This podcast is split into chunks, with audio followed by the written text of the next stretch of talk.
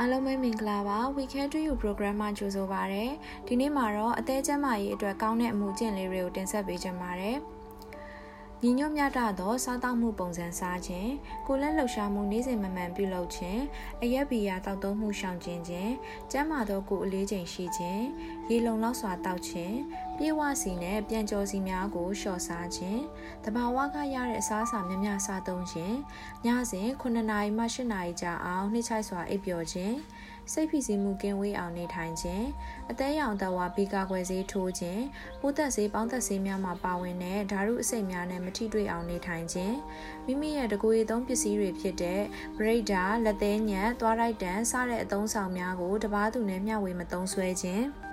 အကာအကွယ်သုံး၍လိန်ဆက်ဆန်ခြင်းမတန့်စင်သောသုံးပြီးသားအများကိုမထိတွေ့ခြင်းတို့ပဲဖြစ်ပါတယ်။ အသေးချမ်းမာရေးအတွက်ကောင်းတဲ့စားစရာဥပမာတွေကတော့အဆိပ်အဆန်များအိုမီဂါ3 fatty acid ပါဝင်တဲ့ငါးများကိုက်လန်မုံညင်းပန်းစိမ်မုံလာဥနီစပစ်တီ grapefruit တီ coffee jam စတာတွေပဲဖြစ်ပါတယ်ခုနကပြောပြခဲ့တဲ့အချက်လေးတွေကိုလိုက်နာပြီးတော့အသေးအတွက်ကောင်းမွန်တဲ့အစားအစာများကိုစားပေးခြင်းဖြင့်ကျန်းမာသောအသေးနဲ့တက်တန်းစီနေနိုင်ကြပါစေရန်ဆုမွန်ကောင်းတောင်းလိုက်ပါတယ်ရှင်။